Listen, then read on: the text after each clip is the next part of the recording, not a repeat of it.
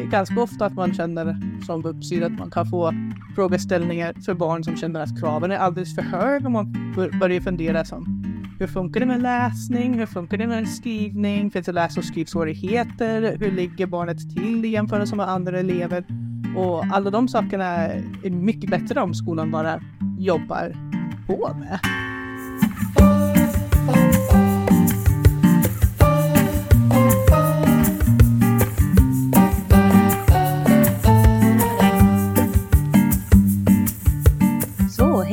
Varmt välkomna till ett nytt avsnitt av Socialt arbete i skolan. Vid min sida här så har jag Per, hej hej! Hej! Och på andra sidan sitter Rickard.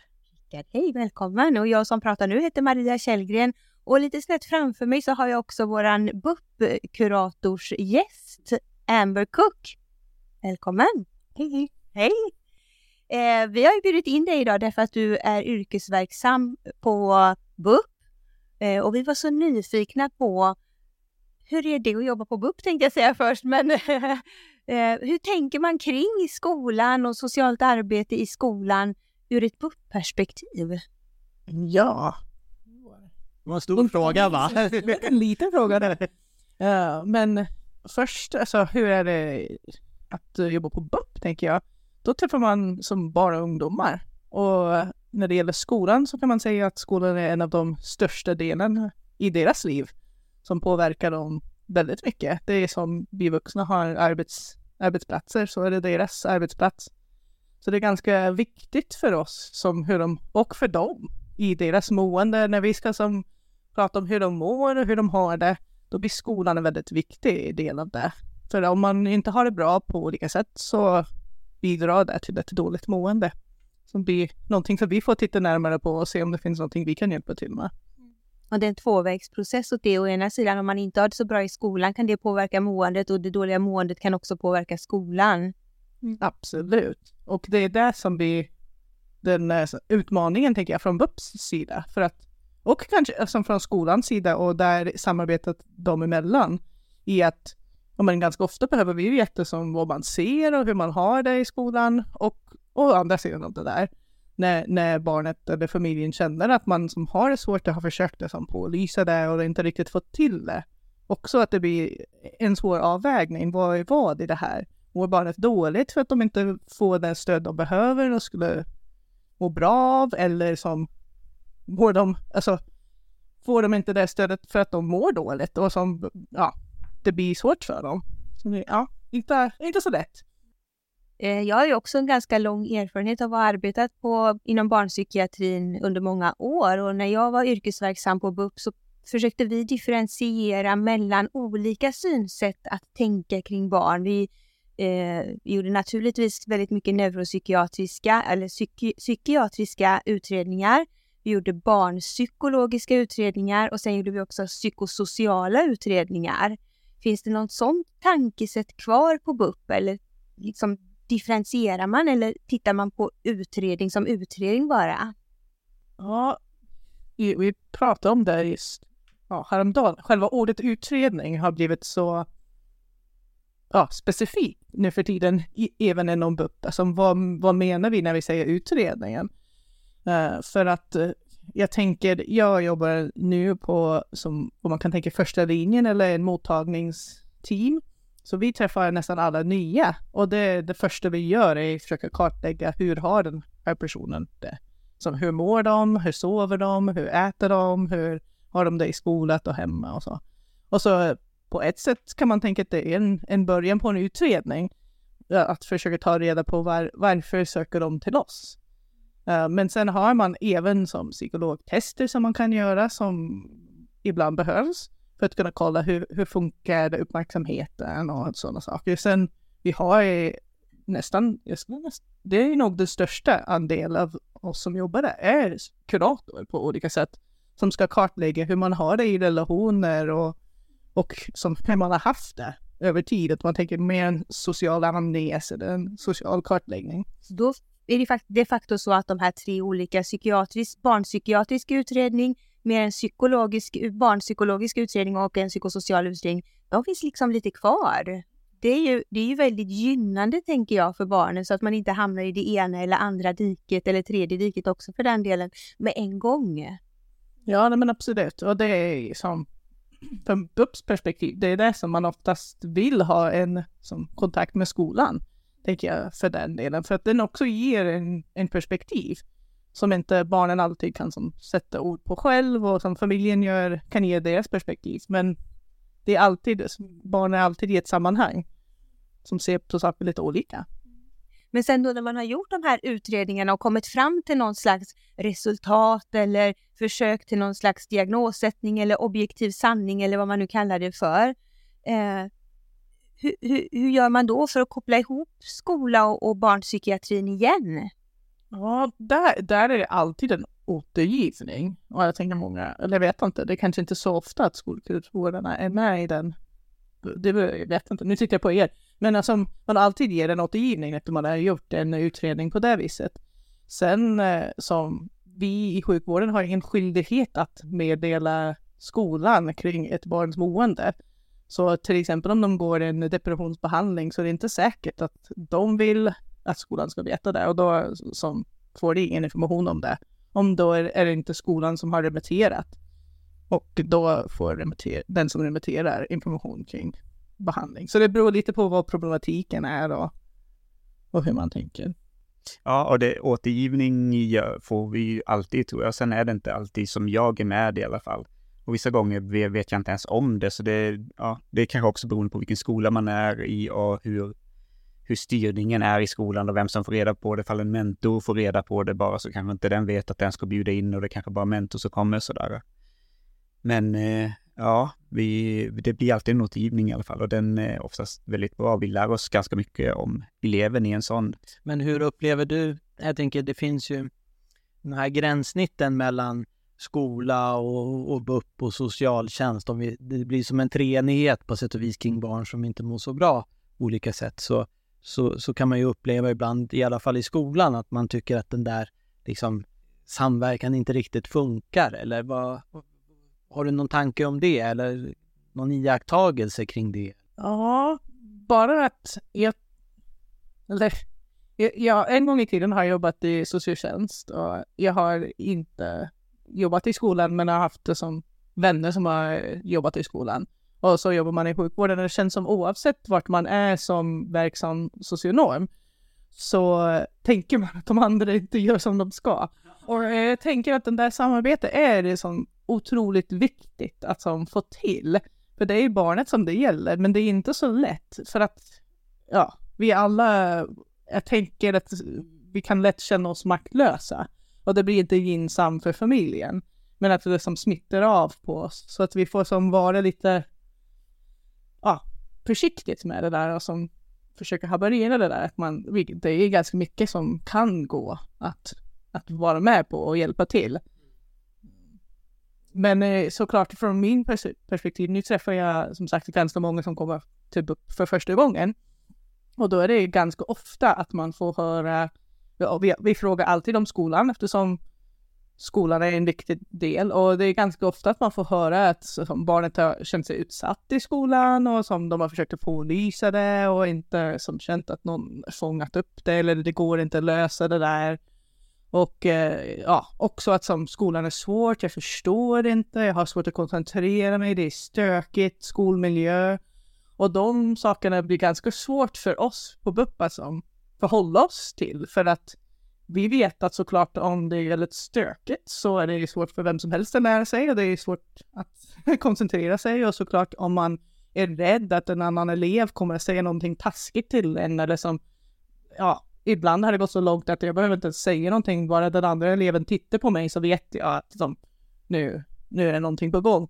De, de sakerna påverkar hur vi mår och eh, som det tycker jag är svårt från BUPs sida när man ser att det är stora saker som händer i skolan och att, som, hur kan man hjälpa eleven få till en bättre skolmiljö? Har det oftast, har det, har det oftast varit skolan som varit på att eh, att eleven ska, eller föräldrarna ska söka till BUP vid typ sådana tillfällen, eller? Nej, ja, det är olika. Jag tänker, ja, det är väldigt olika. Vissa gånger har skolan skickat dit och som frågat om utredning till exempel. Um, andra gånger är det föräldrarna som har, ganska ofta skulle jag säga i de fallen är det föräldrarna som har sökt själv som då börjar få som idéer eller det är då att man kan tänka, ja men är det här neuropsykiatriska utredningar? Vi är mest oroliga för våra barns typ, framtid i skolan. Kommer de att klara målen? Kommer de att... Och, ja och det är då att som också de här sakerna kommer fram då, för då behöver vi veta vad händer i skolan som gör att man tänker att barnet har svårt att koncentrera sig.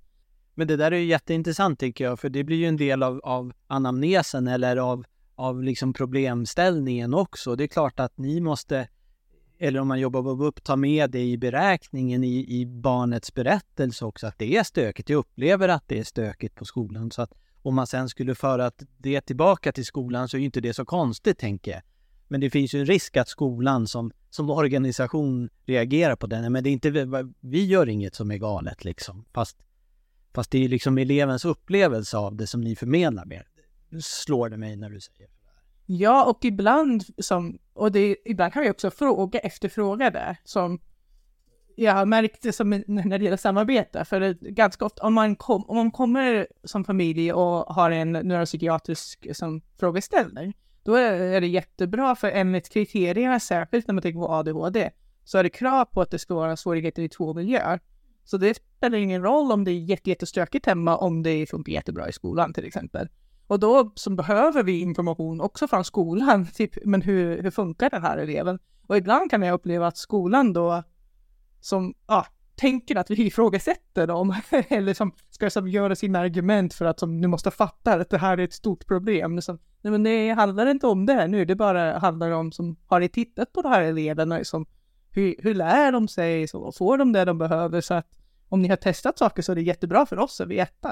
Det här funkar jättebra och det här funkar mindre bra och vi vet om att det här eleven har varit mobbad och vi som jobbar på det där. Eller nej, vi visste ingenting alls om det och det kanske vi borde ta upp. Så det är som, men att hitta de där vägarna som man kan samarbeta på ett sätt som man inte känner sig påhoppad, det är inte så lätt. Jag måste bara flika in när du sa det, två, att det ska finnas symptom eller så, svårigheter på två miljöer, så tänker du på skolan, hemmet och fritiden och att det minst, behöver vara minst två ställen där det blir problematiskt för barnet, eller hur? Ja, precis. Mm. Ja, och, och, vi pratade förut lite om samarbete och så. Eh, och det, när, när, man lyckas samarbeta mellan BUP, skola och, och socialtjänst, om de också är inblandade, det är då det kan bli bra. Det är när man vill skjuta ifrån sig som det ofta blir. Skolan skjuter gärna ifrån sig. Vi tycker att BUP skjuter ifrån sig och socialtjänsten skjuter ifrån sig. Och, och, skolan tycker oftast att skolan ska göra allting. Eh, det är jättevanligt, men det är när samarbetet funkar, det är då det nästan alltid blir bra för barnen.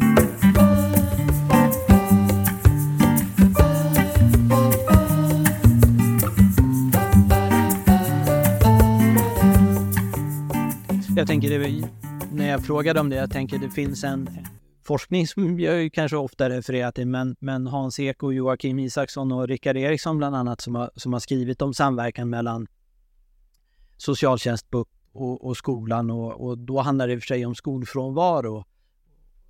Men det är ju som en aspekt av, av vad som kan vara problematiskt.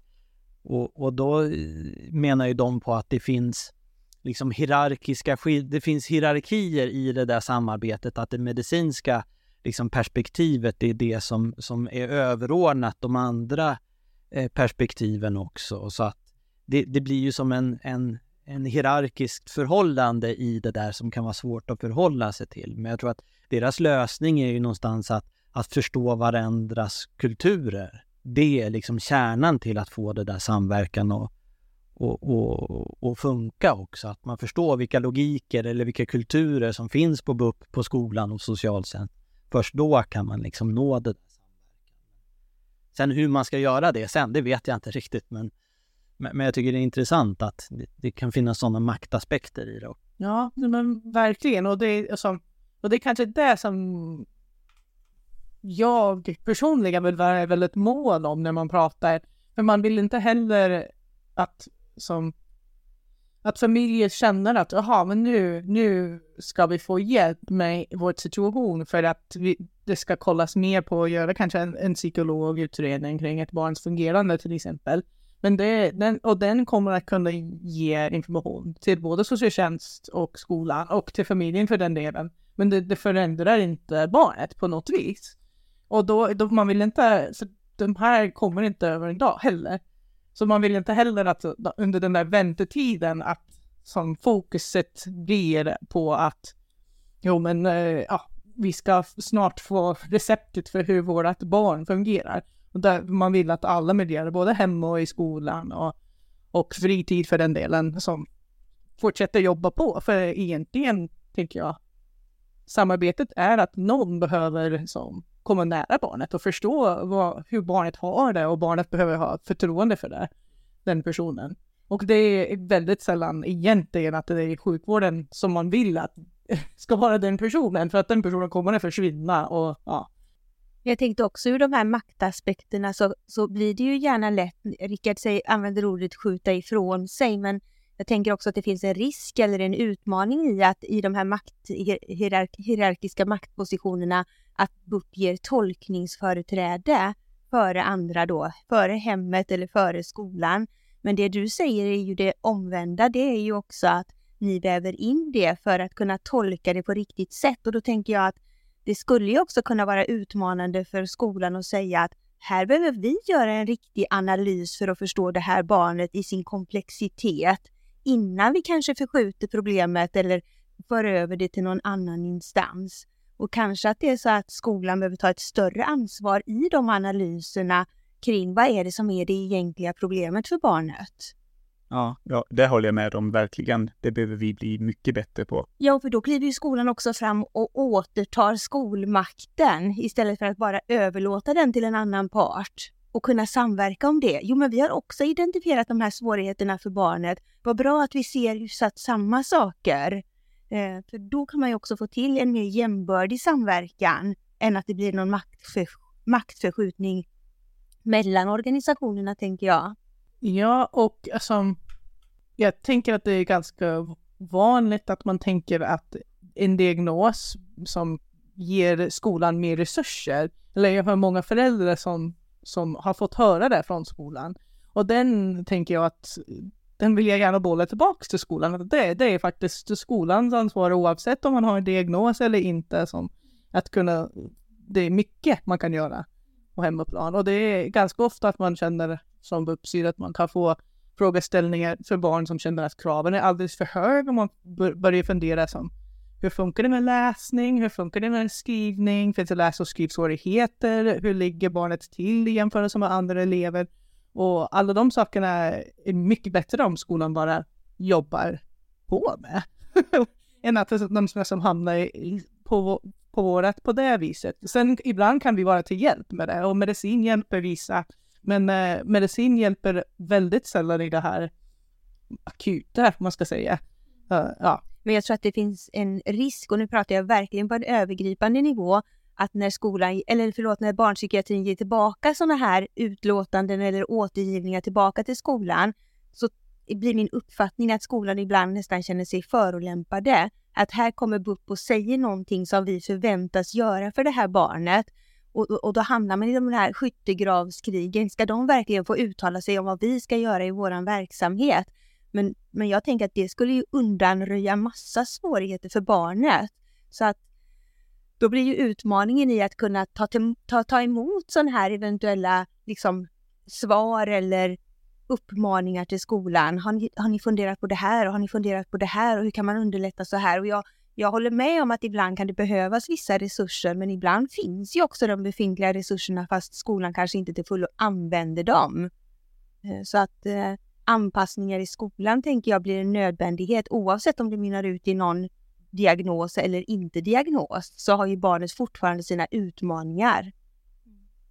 Ja, ja, jag håller med om det. Det finns både bra och dåliga återgivningar och det beror ju också på hur dels hur skolan tar emot det såklart, men, men det här med mak makt och hierarki och sådär, det handlar också om på vilket sätt BUP eh, återger också. För vi, nu har det varit nästan bara bra sista åren tycker jag, men i början i skolan så, så var det verkligen som att BUP, eh, vi kände att BUP var kanske lite mer eller hade en högre makt än vi i skolan. Och då blev det som att, men ska vi göra det där som de håller på att säga, vi ska ha en resurs och sånt där, kunde de säga. Men jag tycker att det har blivit mycket bättre. Jag tror att vi har pratat mer om samarbete, i alla fall här eh, där jag jobbar. För vad det jag tänkte, vad, vad tänker du har varit fruktsamt i det där att det har blivit bättre? Går det att identifiera det? Ja, men jag tänker att eh, i de återgivningarna senast nu så, så har BUP också varit väldigt nyfiken hur, hur vi skulle kunna jobba eller hur vi redan jobbar och vad varit gynnsamt. Alltså de genuint nyfikna nu, medan förut så återgav de på ett sätt där man eh, sa bara så här, eh, det här har vi kommit fram till, det här, så, barn behöver det här med de här svårigheterna. Så det, nu är det upp till er att lösa det. Så nyfikenhet från allas håll igen, ja. både från skolan och från, från BUPs sida skulle vara en nyckel i, i det där kanske? Ja, en av dem i alla fall, det tror jag. Och nyfikenheten börjar ju egentligen på respektive respektive organisations utforskande skulle jag vilja säga då. Vi var ju inne på de här analyserna också. Om socialtjänsten är inblandad också, så de gör sin analys av vad är problemet. Skolan gör eh, sina analyser. Vad är svårigheterna och problemen som manifesterar sig här? Föräldrarna får göra samma liksom, analyser eller funderingar och så gör BUP sin liksom, del. Då tänker jag att då gör vi också samordnade insatser som ska gynna barnet. Det, eller kanske vara nyfiken på barnet. Det kanske är där vi ska börja. Hur? Ja, absolut. Det, det, tror jag. Och, och, jag tänker det som, om man tänker våga, alltså, kanske våga inte rätt ord, men alltså på den ena sidan är man rädd eller maktlös och på andra sidan är man nyfiken. Och så, så länge som man är rädd och maktlös, då är det ganska svårt att vara nyfiken. Ja. Men att vi liksom genar både samarbetet och barnets bästa mycket mer när vi kan vara nyfiken. Vad, ja, hur blev det så här för, för just dig och din familj? Och vad kan vi alla hjälpa till med? Att det blir mer som att barnet får stå i fokus och föräldrarna med och tillsammans kan som, ta hjälp av vi professionella från olika håll än att det blir vi professionella som på något vis ska som lösa ett problem som är kanske inte ens samma problem som familjen själv har identifierat. Och, så. och jag bara tänkte på det också, och det kanske bara är som en kommentar till det här, för att då blir det nyfikna och utforskande och också insatserna viktigare än att sätta en etikett, alltså en diagnos. Sen har vi ju en hälso och sjukvårdslag som säger att varje gång man gör en journalanteckning eller möter en patient så behöver man sätta en, en etikett på det. Vad är det vi jobbar utifrån för tankar om de problemen som barnet har? Det kan vara neuropsykiatri, det kan vara andra ångesttillstånd eller depressioner eller vad det nu kan vara. Och där har ju inte skolan samma vokabulär riktigt, men man har plockat in neuropsykiatri, man har plockat in depression eller man har plockat in ordet hemmasittare som inte är någon diagnos, men problematisk skolfrånvaro kanske. Och så tänker man utifrån skolans perspektiv på något som egentligen hör hemma inom hälso och sjukvården och barnpsykiatrin. Och då är man redan på själva etiketten snarare än lösningen. Och det, där blir, det, det, blir också ett glapp som blir utmanande, tänker jag, i skolans värld. Att slänga sig med de orden eller använda sig av, ja, det är nog neuropsykiatri eller det är nog ADHD. Det krävs ju en gedigen utredning och liksom blick för vad det faktiskt är som är problemet för att man ska kunna erhålla en sån diagnos. Och vi har ju olika logiker, tänker jag, i de här organisationerna också. Alltså, skolan är ju präglad av en, av en pedagogisk logik. Och, och, det styr ju också hur man ser på organisationen och på barnet och kanske på de problem som uppstår. Och, och man kan tänka att eh, barn, BUP och barn och ungdomspsykiatrin har ett psykiatrisk eller medicinsk liksom, logik som styr hur man ser på det. Och socialtjänsten kanske har en social eller psykosocial liksom logik hur man förstår det. Och de där ska ju passas ihop. Och det kanske inte är enkelt he hela gången. Olika ja. språk ja. i de här olika rubrikerna tänker jag, rent, ja. rent faktiskt. Med ja, man benämner dem, man benämner dem på olika sätt och det tänker jag blir också en utmaning. Och också naturligtvis för föräldrar och barn att förstå de här, alltså här sitter vi ju professionella och ganska fungerande människor, men när man är i en kris, när man ska hjälpa sitt barn, så ska man då också förhålla sig och förstå. Men nu säger BUP-kuratorn så, och så säger du som lärare så, och så säger min socialsekreterare så här. Var är sanningen någonstans? Hur, hur kan jag förstå det här sammantaget? Det tror sjutton att det blir jätteutmanande för barn och familjer att förstå. när vi knappast förstår själva. Och där tänker jag kommer makten in. Så, så, så att den sjukvårds som perspektivet inte blir den, för det tänker jag på ett samhällsnivå, är det väldigt svårt. Man vill inte att man vill inte bara att en berättelse får, eh, får mycket plats. Så att alla går runt och tänker att som bara kan finna sig, själv i den ena berättelsen. Utan att det, vi är komplexa människor allihopa. Komplexa människor, komplexa organisationer, men också barn med komplexa behov och att vi måste kunna möta de komplexa behoven på de här olika arenorna eller miljöerna som du kallar det för Amber, i skolan, i hemmet och också på fritiden för barnen. Bra! Tusen tack Amber för att du delade med dig av dina fina erfarenheter av barnpsykiatriskt arbete. Tack också Rickard och Per för er medverkan. Tack själv Hör framöver. Tack och hej! Tack, hej. Hej då.